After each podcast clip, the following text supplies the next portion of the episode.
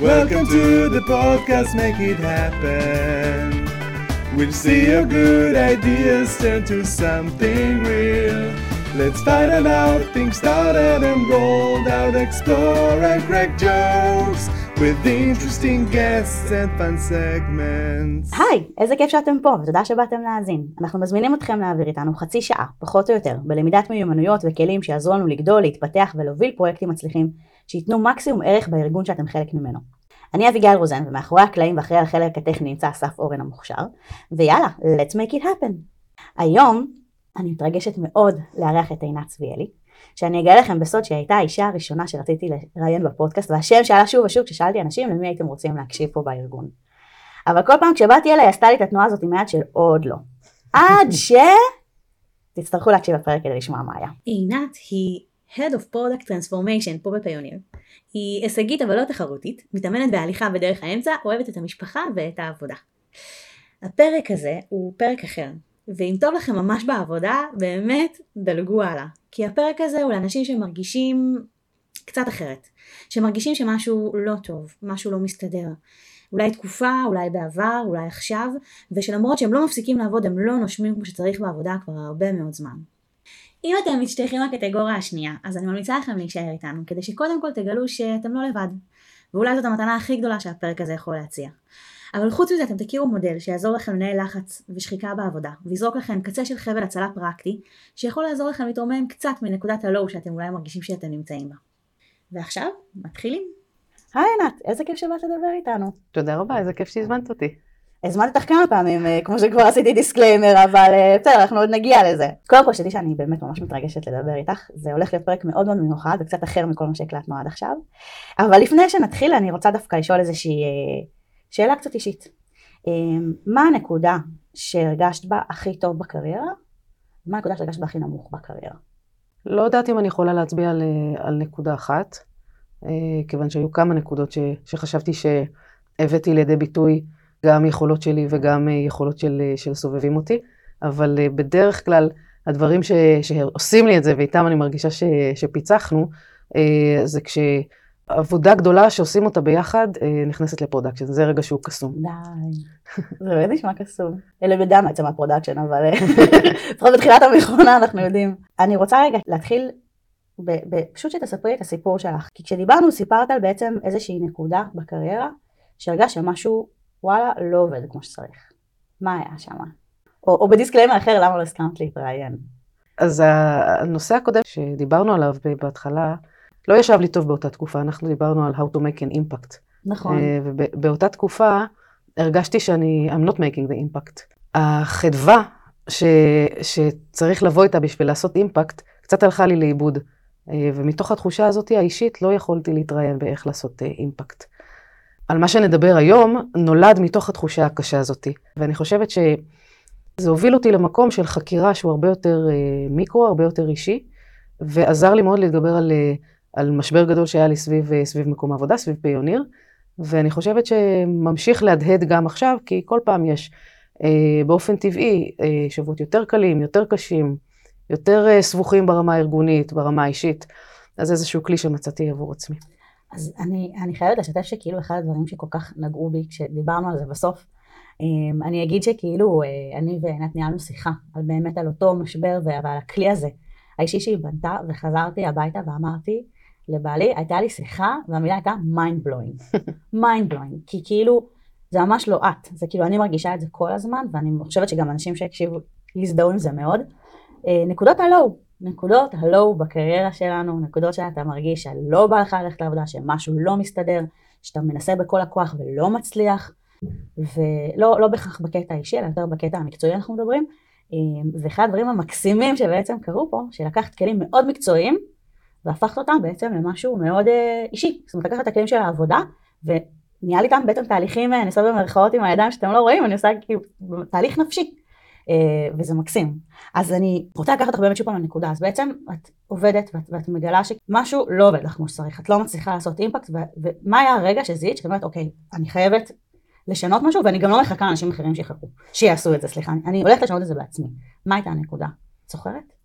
אצלי בעצם, אה, והפסקתי לפני אה, כמה שנים להילחם בזה, אין, אין למעשה קו בין האישי למקצועי. אני מביאה את עצמי, משתדלת, כן, במאה אחוז לכל, לכל זירה. ולכן, גם במודל הזה, שתכף נדבר עליו, הדברים מתערבבים, אין כאן אה, אה, הבחנה דיכוטומית בין, אה, בין השניים. כשאני מרגישה ב, בסוף יום עבודה שאני מחוקה, אם אני אגיד את זה רגע ב, ב, בשכונה, ושבבוקר אין לי את החדווה הזאת של לצאת מהמיטה, ואין לי את התחושה של יש פה משהו מעניין לפצח, ועל זה מתווסף, מתווספת גם תחושה מאוד קשה של סטרס, אז אני יודעת שאני לא במקום טוב, כי, כי כשעובדים הרבה שעות וכשעובדים בקצב אי אפשר לעשות את זה מתוך uh, תחושה של, uh, של אנרגיות נמוכות. אבל הרבה אנשים יהיו בנקודה הזאת ויגידו כאילו, ויחכו שמישהו מהארגון יעשה, שהמנהל שלהם יגיד להם, תעבדו פחות, שקולג, כאילו, הם יחכו שהארגון יעשה עם זה משהו, ואת לא חיכית לאף אחד. קחת את זה אחריות. כן, אני חושבת... בעצם? קודם כל, ככה אני בנויה, אה, וכמו שאומר חבר שלי, אהרון וייסמן, מתים רק פעם אחת. אז הימים שעוברים בעצם... הם עלינו, הם באחריותנו. ו, ומתוך מיקוד השליטה הפנימי הזה, אה, הבנתי שלא, אנחנו לא, לא, אני לא מחכה, לא מחכה לאף אחד, ואם אני לא אצליח אה, להקל על עצמי באיזשהו אופן, אז יש כאן משהו שדורש אה, שינוי יותר גדול. אני חושבת שהרבה פעמים אנחנו מתייחסים למשברים בעבודה. מתוך משקפיים של, במרכאות, כן, זו רק עבודה, ואם זה לא יתאים לי אז אני אחפש משהו אחר. אבל אני כבר יודעת שארגונים אחרים הם לאו דווקא יותר אטרקטיביים, ולא תמיד הדשא של השכן ירוק יותר. והרבה משברים, אם מסתכלים פנימה, בעצם אה, אפשר לפתור את הרוט קוז שיפגוש, שיפגוש אותי, כן, אם אני לא אפתור אותו, גם, ב, גם בארגון כמו פיוניר, או כל ארגון אחר שאני לחפש אה, עבודה בו. אה, ופה הייתה לי הזדמנות לעשות שנייה רגע איזושהי עבודת רוט קוז ולהבין את עצמי יותר. אני ממש מסכימה עם זה, אני חושבת שהרבה מאוד יש לנו נטייה להאשים את כל העולם ואחותו, את המנהל שהוא לא מספיק אה, רגיש, ואת הארגון שהוא לא מספיק רואה ושלא נותנים כלים וטה טה טה, אבל בסוף באמת יש פה איזשהו, אה, הרבה פעמים כשאנחנו נמצאים באיזשהו משבר אישי בעבודה זה פשוט משהו בנפש, אנחנו צריכים להסתכל פנימה ולזהות אותו, נכון שהרבה פעמים יש כאילו גם בוסים מעפנים, אני מודה, זה, זה, זה כן תופעה שנתקלתי בה פעם פעמיים, אבל, אה, אבל באמת יש משהו בנו, זה, זה, זה שיעור פנימי. רק נעשה disclaimer, בסדר? נו. אה, בלי לקלקל את, ה, את מה שמגיע בסוף. גם המסקנה הזאתי, היא צריכה, ל... צריכים להסתכל עליה במשקפיים של דרך האמצע. זה אף פעם לא רק או אני או הארגון, זה תמיד איזשהו שילוב, אבל נכון, נצלול פנימה. נכון. אה, ונסתכל. איזה דיסקלמר חשוב. אז את מבינה שרע לך, מבינה שאין לך חדווה לקום בבוקר, שאת לא מרגישה שאת עושה אימפקט, ושהכי נורא פשוט שחוקה. רע, כאילו פשוט רע לך, אני יכולה להגיד רע לך?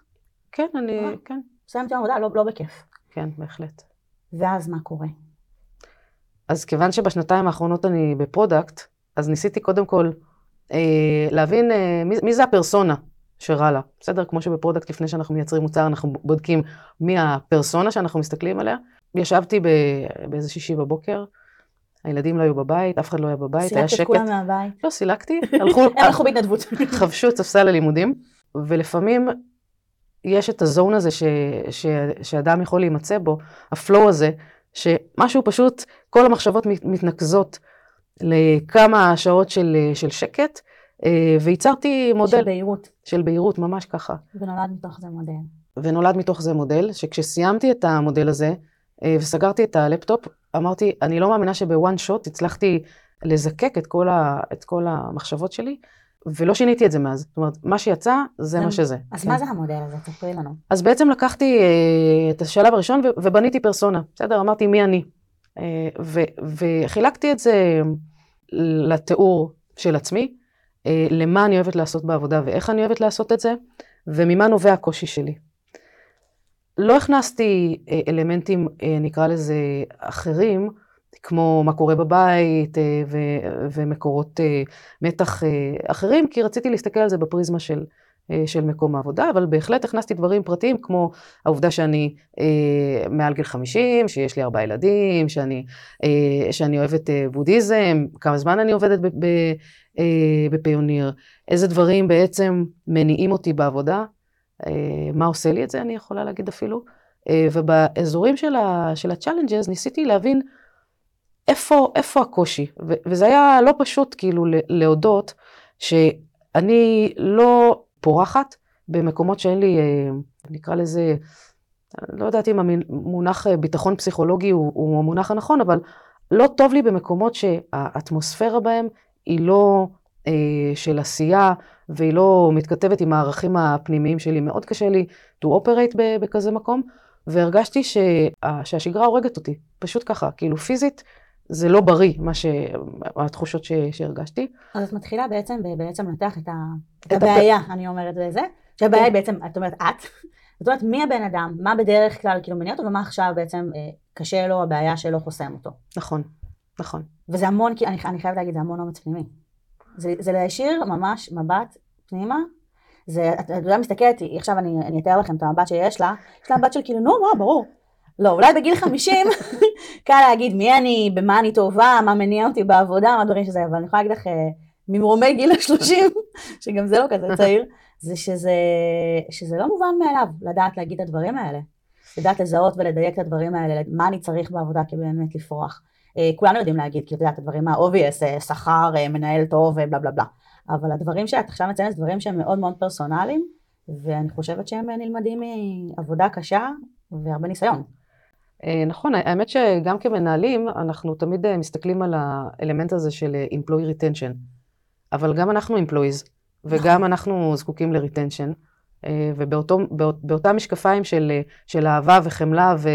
ורצון אה, לצמוח, שאני מסתכלת אה, על האנשים שאני עובדת איתם, אה, ככה הרגשתי שגם לי מגיע, ש, שאני אסתכל על עצמי ככה. מקסים. כן.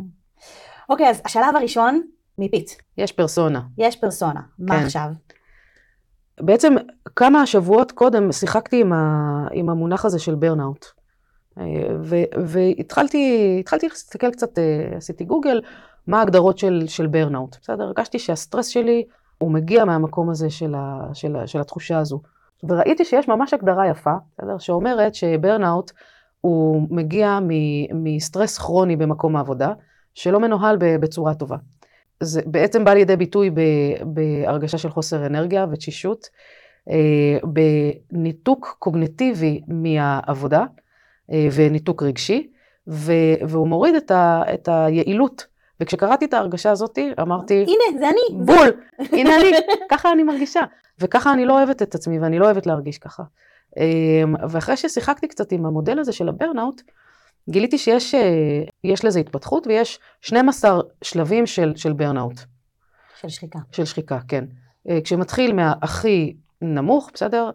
אתה מרגיש שיש לך צורך אז להוכיח את עצמך, ומסתיים התמוטטות נפשית ורגשית, בסדר? אני מיקמתי את עצמי על שמונה, וכשקראתי את עצמי בשמונה, אמרתי לעצמי, הופה, זה מפחיד. Okay. אוקיי? אני רק אגיד שכאילו באמת יש כאילו לכל שלב יש את המאפייני זיהוי שלו. נכון. אה, ומי שרוצה אפשר לחפש את זה בגוגל, אבל אה, ממש כל שלב, וכאילו זה מתחיל באמת מהוכחה עצמית שזה נשמע כאילו, להוכיח עצמי זה נשמע די אה, obvious, וכאילו כולנו כזה רוצים לעשות את זה בעבודה, אבל זה, זה שלב ראשון שיכול ללכת ולהחמיר ולהחמיר, עד באמת לאותה התמוטטות. ושמונה זה יחסית גבוה. שמונה זה מאוד גבוה, ואם אני רגע אה, אצטט את מה שזה אומר, זה כבר בשלב שההתנהגות אה, של האדם משתנה ומכאיבה או מרגיזה לאנשים, את האנשים שמסביבו. וואו. אה, וזה היה לא טוב. לא... הרגשת שאת, מרג... שאת מרגיזה אנשים סביבך? הרגשתי שאני לא במשקפיים של המילים הטובות, לא במשקפיים של היכולת להכיל, לא במשקפיים של ה... להבין ש... שינוי של mindset לוקח זמן. אגב, גם למי שעבד איתי וגם כלפי עצמי, וגם כלפי הילדים שלי. זה כאילו ממש מזכיר לי את השלב הזה, שכבר אין לך סבלנות להיות בסבלנות. כן. וכל התגובות שלך הן אחרות. נכון. וכשהסתכלתי על עצמי בתוך הדבר הזה, מאוד לא אהבתי מה שאני רואה. בסדר? מאוד לא אהבתי מה שאני רואה, ולא חשבתי ש... עד כדי אפילו לא חשבתי שיש לי את הזכות להתנהל ככה. וואו. כן. אז את יודעת מי הפרסונה, ואת יודעת שהפרסונה הזאת נמצאת בנקודה שכאילו את לא אוהבת שאת ואולי גם אנשים אחרים כבר לא, לא נעים, נכון. לא נעים לך להיות, אה, להיות במקום הזה, סטייג' שמונה מה שנקרא, ואז מה? ואז אני משחקת עם הרעיון של, הרי אני שנים עובדת בקצבים האלה, בעומסים האלה, ב, אה, במאפיינים האלה. אז מה, מה קרה פתאום? ו, וקפץ לי איזשהו, אה, איזושהי דוגמה, אמרתי שזה קצת כמו מזג האוויר, תחושת הסטרס. אה, כי גם במזג אוויר יש אה, מונח כזה שנקרא feels like. זאת אומרת, יכול להיות שבחוץ 30 מעלות, אבל זה מרגיש כמו 35. נכון, תמיד אומרים לנו את זה. נכון, כי זה לא מושפע רק אה, מעלות הצלזיוס, נקרא לזה המדד הטהור, אלא גם מהרוח שיש, אה, מהלחות, אה, גם ממאפיינים אישיים, בסדר? אה, יש אדם שירגיש יותר אה, את החום ויש אדם שירגיש פחות, אבל הסטטיסטיקות אומרות ש-feels like האלה, הממדים האחרים של, של, של הטמפרטורה, הם מוסיפים או מפחיתים עד 25% מה, מהמדד הספציפי המדויק. שזה המון. שזה המון, בדיוק, שזה המון. אה, והתחלתי להסתכל על הנקודה הזאת של ה-feels like, ואז אמרתי, אוקיי, גם סטרס הוא כמו feels like, כי הוא נכון. מושפע מהרבה מאוד, אה, מהרבה מאוד דברים. וחפרתי בגוגל וחיפשתי סטרס feels like, ומה אפשר כאילו למצוא, איזה חומר קריאה סביב הדבר הזה, ולא אה, מצאתי, בסדר. אז מה עינת עושה כשהיא לא מוצאת? שהיא לא מוצאת, בדיוק. פה לקחתי משהו ממש מתוך שיטת העבודה, בסדר? שלי. פירקתי את זה. פירקתי את זה לכל מיני, אה, לכל מיני מרכיבים שאפשר למדל אותם. ויצרתי לי מודל סטרס feels like שלי. עכשיו, אני רגע אומר עוד disclaimer אחד. כל מה שעשיתי, הוא לא הייתה לי שום אה, אספירציה ל, לתקן את עוולות העולם. אני עשיתי עבור עצמי, מה שעובד עבור עצמי, ולכן אה, אני חושבת שאם אה, מישהו רוצה לאמץ את זה, הוא צריך להסתכל מה עובד אה, עבור עצמו, ולא להתייחס לדברים האלה כבאמת איזשהו משהו שהוכח אמפירית על, על הרבה אנשים. זה לא, זה רק עינת אצלי. היא לא חוקרת זה באוניברסיטה, היא כן. עשתה על עצמה, אבל כמו שאתם תראו, אני חושבת שתמצאו בזה הרבה מאוד חוכמת חיים. תודה. אז בעצם, מה, מה עשיתי? יצרתי טבלה די קטנה, שיש בה מצד אחד את הפקטור, שעבורי תורם לסטרס, description, ואיזשהו ציון אה, שבא ואומר בכמה תורם אותו פקטור לתחושת הלחץ שלי. ניתן רגע דוגמה. למשל, הפקטור הראשון זה הדומיין שאני מתעסקת איתו, מה רמת המצ'וריטי שלו והריסק פקטור. זאת אומרת, ההנחת העבודה שלי הייתה שאם זה more of the same, אה, אז זה פחות מלחיץ. אם זה אה, משהו שאנחנו מנסים משהו חדש, אז יש בזה יותר אלמנט של... לחץ, של לחץ, להוכיח, כן. אה, מה יהיה, חששות, דאגות, אז, כזה. אז לא, זה בדיוק, בגלל זה התעכבתי רגע, זה בדרך כלל, לא רוצה לשים על זה, לשיים את זה בתור לחץ, כי כשאני במקום טוב, אז הדברים האלה לא מלחיצים אותי. מהמם. הם מאתגרים אותי, הם נעימים לי, אני נהנית מהם. אבל נתתי לזה רגע בשביל אה, לפשטות, ה, לפשטות הדיון, אז אני אומרת שאם הדומיין הוא לא מצ'ור והוא מאוד מסוכן, אז עבורי הוא תורם 10% ל-feels like. מהמם. אה, החלק השני, clear R&R ו-practices. ככל שה-R&R פחות מוגדרים אה, באטמוספירה מסוימת, אז יש תרומה ל-feels like, ואצלי זה 20 אחוז. אני רק אגיד R&R למי שלא זה, או זה responsibility, זאת אומרת ככל שה, שבעצם התפקידים של האנשים אה, או המשימות מובנות, ברור מי לוקח מה, אה, ככה יש פחות לחץ, וכשזה מעומעם ולא ברור, אז ככה זה מוסיף לחץ, ואמרת 20 אחוז, שזה כפול אם אני לא טועה מה, זה- מהקודם. זה הרבה. אה, אני חושבת שעבורי זה ככה, כי בהרבה משימות, אז אני, ה- נקרא לזה, הדמות הבכירה יחסית, בסדר? בתוך, בתוך המשימה, ואז גם קבלת ההחלטה וגם הבנייה של אותו צוות, זה עליי. לוודא שכולם אה, יודעים מה הם צריכים לעשות, שמחים ממה שהם עושים, אה, מסוגלים לעשות מה שהם צריכים לעשות. כל האלמנט הזה של לייצר בעצם את, ה, את הצוות ואת ה-R&R, צריך להשקיע בו הרבה. וזה מעלה את אה, אה, אנרגיה המושפע, המושפעת. מהמם. נקודה שלישית זה ה-DNA של הארגון מבחינת אה, ג'רני ו- והטולרנטיות לכישלונות. אם אנחנו עובדים בארגון שאוהב אקספירימנטס, ו- וכשאנחנו, וכשהם מנסים אז יש הבנה ש-30% מהדברים שאנחנו מנסים יסתיימו בחוסר הצלחה, אני יודעת ב- שאמרת 30 אחוז, זה בדרך כלל יותר. 30% נגמרים אה, בהצלחה, 30 ב- כן. ככה בינוני ו-30 ב- זה בחוסר כבר- הצלחה. נשמע יותר אה, קרוב. אה, אפשר להגיד ש-30% מסתיימים ב- ב- בהצלחה להוכיח שזו לא הדרך. בסדר? זה גם כן, מסתכל. נכון. אז, אהבתי 16 אחוז שאנחנו לא יודעים, כי זה- כי הם עדיין מתמשכים עד היום, יש את הפרויקטים שלא נגמרו לה והם שמה. נכון, אבל זה אבל, מאוד מאוד כן. משנה. זאת אומרת, אם יש בארגון DNA של סבלנות, אז זה מקל, אה, וזה מוסיף עוד 10% ל-feels like. matrix management. אני, ברוב התפקידים שעשיתי, אני IC, אני בדרך כלל לא מנהלת הרבה אנשים, אבל אני עובדת עם המון אנשים. והאלמנט הזה של matrix management, מכניס עוד רמה של תבלין, כן, לתוך, ה, כן. לתוך האזור הזה. אז אני רק אסכם, בעצם אמרת, אוקיי, יש פה ארבעה פקטורים. יש בעצם חמישה, בסדר? אה, יש חמישה, אוקיי, כן, אז בואו יש- נעבור עליהם אחד אחד. הראשון, הבגרות ומידת המסוכנות של האזור שאנחנו. מתעסקים איתו, זאת אומרת, אוקיי, כמה זה? אינובטיבי, אה, roles and responsibilities ו-practices, כמה הם בהירים או לא, ה-organizational journey אה, DNA, כמה יש לנו סבלנות, matrix management, ואחרון, אה, שעבורי הוא 20 אחוז, שזה הרבה, זה בעצם תחושת הבקאפ, המנדט, ש, שיש לי מההנהלה הבכירה. גיבוי. גיבוי, בדיוק. אה, בשבילי זה מאוד מאוד, אה, עבורי זה מאוד אה, משנה, כי, כי בגלל שזה מסוכן בדרך כלל, ובגלל שזה אין קליר R&R, ובגלל שזה מטריציוני, ובגלל ובגלל, אם אין את תחושת הגיבוי, קשה מאוד לי כן. לתפקד. אז את, שוב, את לוקחת את כל החמישה האלה, שאלה שוב פעם מדברים על לינה. כן. כל אחד יכול אולי למצוא דברים אחרים שמשפיעים בעצם על, על התחושת לחץ שלו, ואת מגלה שכל אחד מהם באופן כזה או אחר, זאת אומרת באיזשהו ציון שנע אני מבינה בין 10 ל-20, משפיע על תחושת הברנאוט שלך. נכון. ואז מה את עושה? אוקיי, ואז אני פותחת אקסל. כי צריך למדל את הסיפור הזה. כי אנחנו אוהבים אקסל, נו בואי. כי אנחנו אוהבים אקסל ואנחנו רוצים רגע לקחת את זה מרמת התיאוריה, עד עכשיו זה היה החלק הת- התיאורטי, אה, לרמת הפרקטיקה, אוקיי? אז, אז מה זה אומר? אז פתחתי אקסל ורשמתי את כל המשימות שאני אה, מעורבת בהן, כל הפרויקטים. כל הפרויקטים.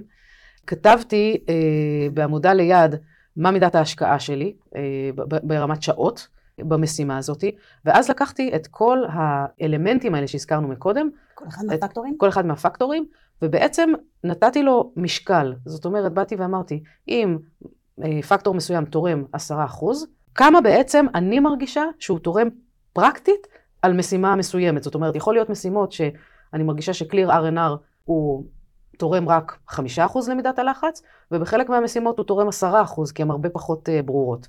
אז, אז רק כדי כאילו לעשות ויזואליזציה למי שלא רואה את הטבלה, אז יש טבלה מאוד מאוד גדולה, בטבלה יש את כל המשימות, את כל הפרויקטים שעינת מעורבת בהם, ובעצם ליד כל פרויקט יש בעצם את ה, אה, איזשהו תיאור אני חושבת של הפרויקט, כן. ואז את אותם חמישה פרמטרים וכמה הם מוסיפים, סליחה זה מתחיל בעצם בכמה שעות היא עובדת על הפרויקט, ואז את כל אחד מהאלמנטים, כמה זה מוסיף. אז יש לנו את ה-feels ואת ה-feels like. נכון. אה, את התוספת הזאת, ואז מה את מגלה? כשאת מסתכלת על זה ככה במין טבלה ענקית שלוקחת את כל הדברים האלה בחשבון. בעצם אני, אני בפרקטיקה עברתי לספור שעות עבודה. אם אני עובדת על נושא מסוים חמש שעות, אוקיי?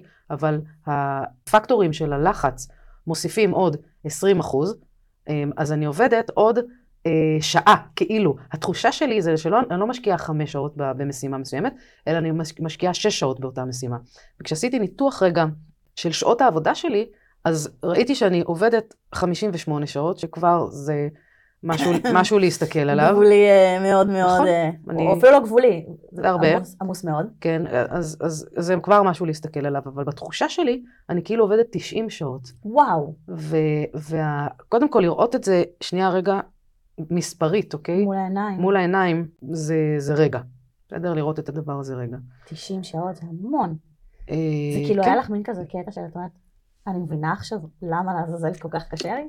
כן, זה עזר לי לסדר, זה עזר לי לסדר את מידת ההשקעה הרגשית שאני, שאני חווה בכל אחת מהמשימות, ולהבין גם את התמונה הכללית, ואחר כך גם את, ה, גם את הפרטים. זאת אומרת, ברגע שהיה לי את הדבר הזה, אז עברתי לשלב ה... אוקיי, אז, אז מה עכשיו? כן, מסתכלת על ה-90 הזוהר הזה, ואת אומרת, אוקיי, כן. מה אני עושה עם זה? מה אני עושה עם זה עכשיו? ויצרתי פר משימה, corrective action. מה צריך לעשות? מה צריך לעשות בשביל להחזיר את זה ל- לרמה שבסוף אה, אה, יהיה לי נוח בה? אה, גם, ועשיתי את זה גם כמובן לכל משימה, וגם באיזושהי אה, הסתכלות כוללנית, איך אני מורידה את זה ל, לרמת שפיות. אז, אז אה, שמתי, שמתי לי טארגט.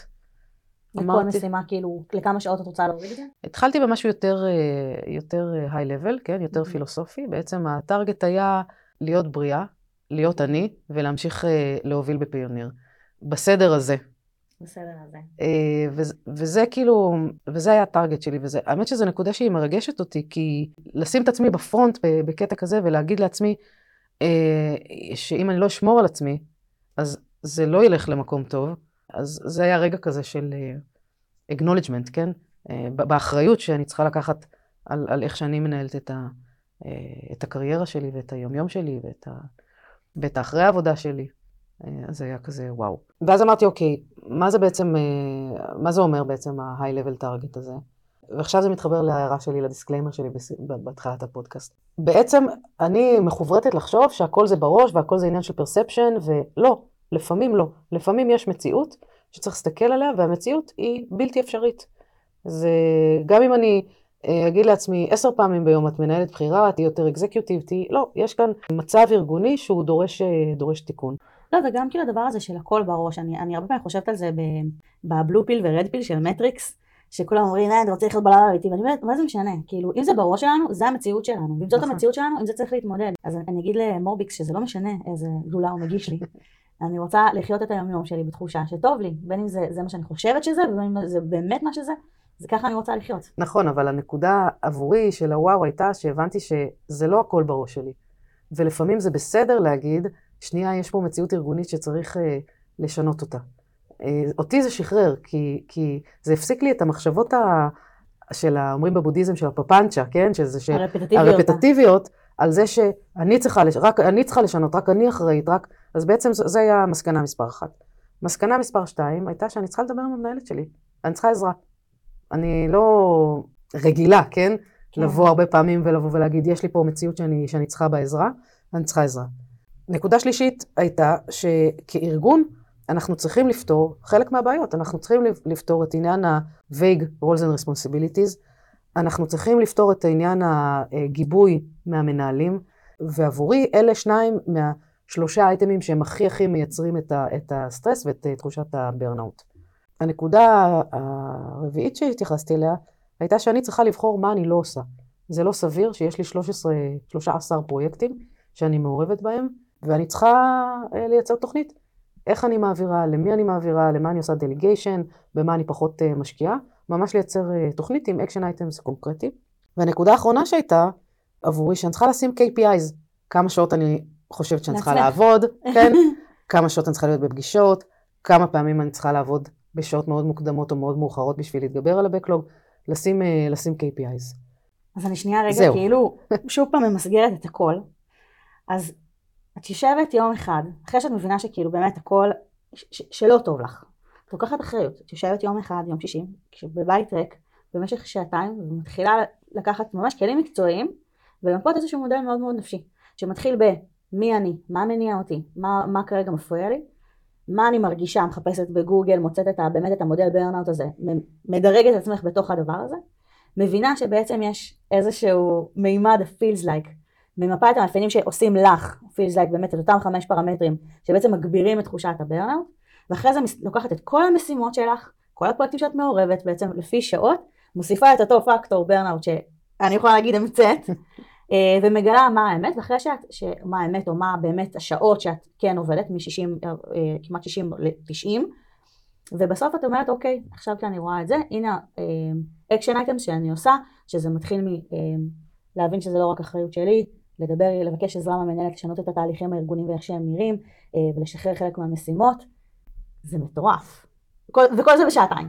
כן, כי זה, חשבתי על זה כמה שבועות לפני, זאת אומרת, זה ממש התבשל אצלי, ה- זה כאילו פשוט התחושה הזאת. נשפך, כאילו. זה פשוט נשפך, כן.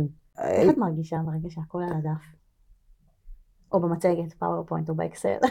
אולי אנשים יחשבו שזה כאילו, שזה, שאני חיה ב, בסרט, כן, בציטוט שאני הולכת לא. להגיד, אה, אבל הרגשתי כמו אומן שמסיים לצייר. ולוקח צעד אחורה ואומר, זהו, זה יצא ממני, זה כבר לא שלי, זה כבר בחוץ, ו- ואיזה יופי, כאילו, ש- שזה זרם ממני החוצה. וואו. כן. אחר כך, אה, אחרי אה, עוד כמה שבועות, בעצם הוספתי עוד כמה נקודות שכן הייתי רוצה להזכיר אותן. אחד, זה ש multitasking או, או כמות לא סבירה של כדורים באוויר מאוד מאוד מגדילה את החשיפה לסטרס ול burnout, כיוון שיש פחות טולרנטיות להתמודד עם, אה, עם, עם כשמשהו לא עובד כמו שתכננו והדברים אף פעם לא עובדים כמו שתכננו. מן הסתם. כן, שלהתאושש מ burnout זה קשה מאוד.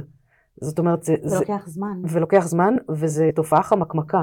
זאת אומרת, גם אחרי שהרגשתי שאני כבר בדרך החוצה, לפעמים היה טריגר קטן, זה קצת כמו פוסט-טראומה באיזשהו אופן, טריגר קטן, שהחזיר אותי עוד פעם ל... אוקיי, די, אני כאילו... לא יכולה. לא, לא יכולה יותר. וזה לוקח זמן לבנות את, ה, את השמחה הזאת עוד פעם, ואת ה...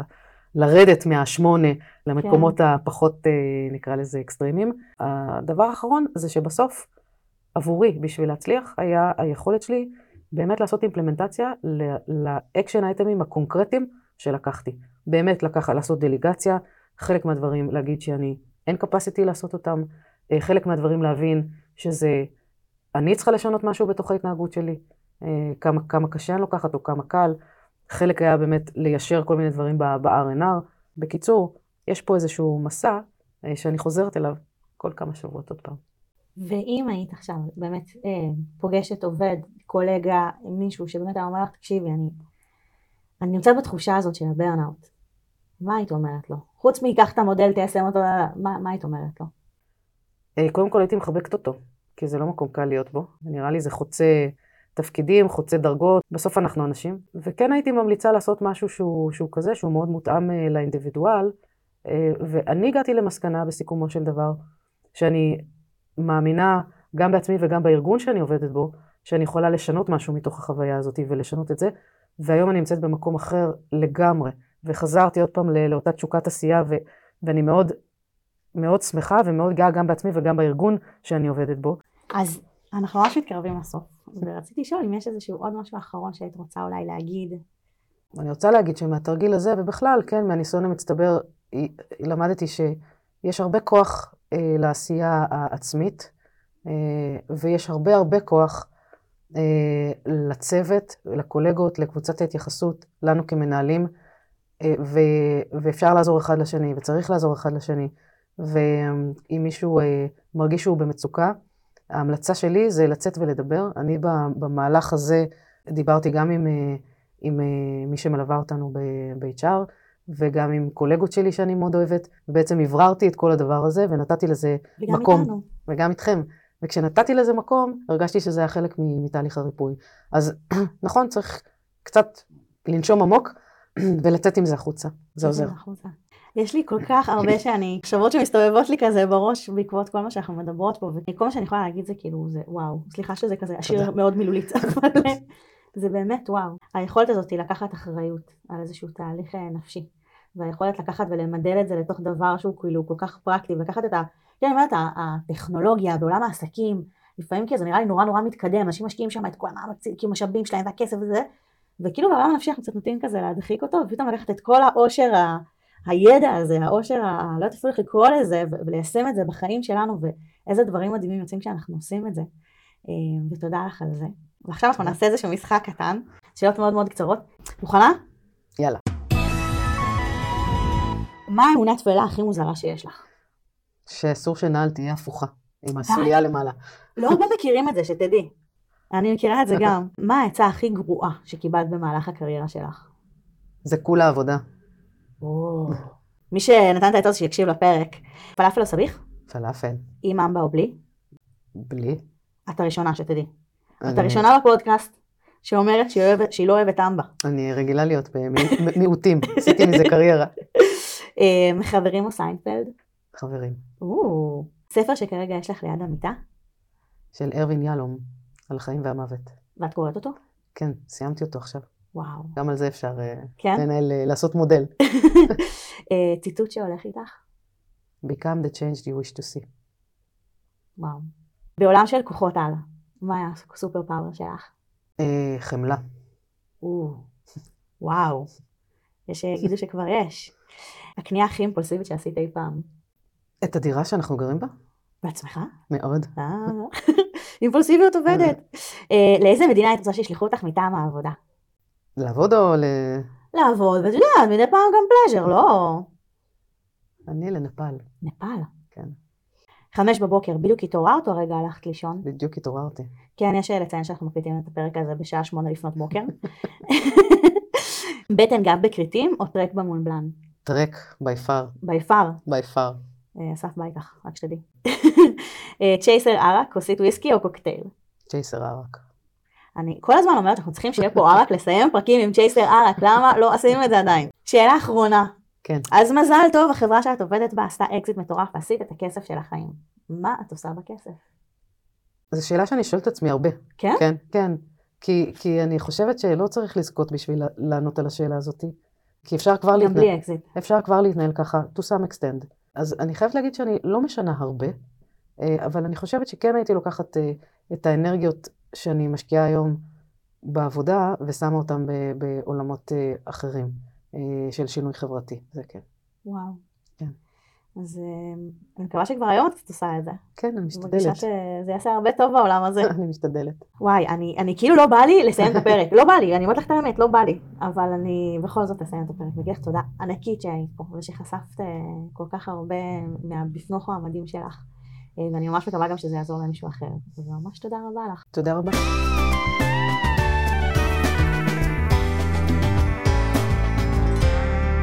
אז על מה דיברנו בפרק? דיברנו על מה עושים עם שחיקה ולחץ בעבודה. אחד, עושים ניתוח עומק של הבעיה, כשלפעמים הבעיה היא אני, ואז צריך להבין מי אני, מה רע- עושה לי רע, מה אני אוהבת, מה מניע אותי, מה מקשה עליי. שתיים, למצוא את המיקום שלי במודל הלחץ והשחיקה, להבין כמה המצב גרוע. שלוש, לזהות את הגורמים שמגדילים את תחושת השחיקה והלחץ בשבילי, מה הגורמים שדוחקים אותי לקצה ומעמיסים עליי אפילו יותר. זה יכול להיות כל מיני דברים, כמו מידת המסוכנות של פרויקט, הניסיון שיש לי עם פרויקטים דומים, הגדרות תפקידים לא ברורות, סביבת עבודה לוחצת או בינלאומית, חוסר גיבוי מנהלים, you name it. 4. לתת לכל גורם את הפקטור על תחושת הלחץ והשחיקה שלי, להבין מה מידת ההשפעה של כל גורם כזה, על כמה קשה או לחץ או שחיקה אני מרגישה. 5. לבנות מראה אמיתית של המציאות שלי. מה באמת המצב? כמה שעות אני עובדת? 6. לפרוט את זה לתוכנית עבודה. לקחת אחריות אישית, לבקש עזרה, להחליט מה אני לא עושה ולעשות הצלת סמכויות. ואז פשוט לפעול לפי התוכנית, ולזכור גם שזה לוקח זמן להתאושש. אז מה אני רוצה להציע למי שמרגיש שהוא בנקודה הזאת, הכל כך כל כך של הלואו? קודם כל, חיבוק, ולהגיד, אתם לא לבד. יש עוד המון אנשים שמרגישים כמוכם. תצאו, תדברו על זה, יש קולגות שישמחו לעזור ומנהלים מדהימים שיושיטו יד. אני חושבת שההבנה הכי חשובה זה שבעצם אין אני בעבודה ואני בבית, אין משברים שהם רק עבודה. יש את החיים שלנו באופן כללי, ואם אנחנו מרגישים לא טוב איפשהו בחיים, זה משפיע על הכל, וזאת אחריות שלנו להבין מה הבעיה ולנסות לתקן אותה. להתעלם או פשוט לעבור עבודה לא יפתור את זה. במקומות האלה צריך טיפול שורש פנימי של הבעיה. ונכון, זה דורש הרבה אומץ ואיזשהו באמת אה, התנתקות מכל העולם והסתכלות פנימית אה, אמיתית על מה באמת אה, קשה לנו ומי אנחנו ומה עושה לנו טוב ומה עושה לנו לא טוב. אבל דבר כזה באמת יכול לעזור לנו לטווח ארוך גם על הביצועים שלנו וגם על האושר שלנו. ומה יותר חשוב מזה? והנקודה ה mind blowing בשבילי זה שאנחנו יכולים לקחת כלים של העבודה ולהשתמש בהם בחיים הפרטיים שלנו וכמה טוב זה יכול להביא לנו.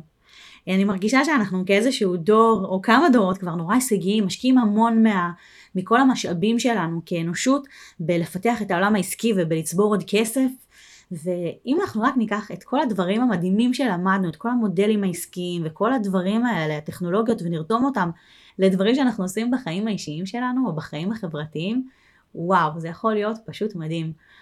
אמ, אני גם שומעת כל פעם בסוף פרק כשאני שואלת אה, מה הייתם עושים אם היה לכם את כל הכסף שבעולם הם מספרים שכאילו באמת הם היו מעבירים את היכולות שלהם לעשות טוב בעולם החברתי. אז לאלה שאין להם כרגע מלא כסף בחשבון ויכולים אה, להשפיע, אה, לעזוב אולי את העבודה ולהשפיע בעולם החברתי, אמ, אני כן מציעה לקחת, אמ, לעשות כמו עינת, לקחת אותנו אה, כפרסונות אישיות, אתכם כאת המשפחה, את הקהילה, את התחום שכרגע חשוב לכם, אה, ולראות איך אתם יכולים לקחת את הכלים העסקיים שאתם עושים איתם יום יום בעבודה, וליישם אותם שם, ולראות אה, כמה טוב יכול לנבוע מזה. זהו, ספוילר קטן, זה הפרק הכמעט אחרון לעונה, הפרק הבא יהיה הפרק האחרון אחרון. אני יוצאת לחופשה קצרצרה. וממש מקווה לחזור אליכם אחר כך. אני לא יכולה עדיין לספיילר, אבל אני רק אגיד שהפרק הבא הולך להיות יוג'. מחכה לפגוש אתכם שם, נשתמע. You just heard the podcast make it happen. The place to see ideas turn to something real. Stay tuned, see you next time. Please drive safe, wear sunscreen and hat. Try to eat with a fork and knife and don't make noise between two and four.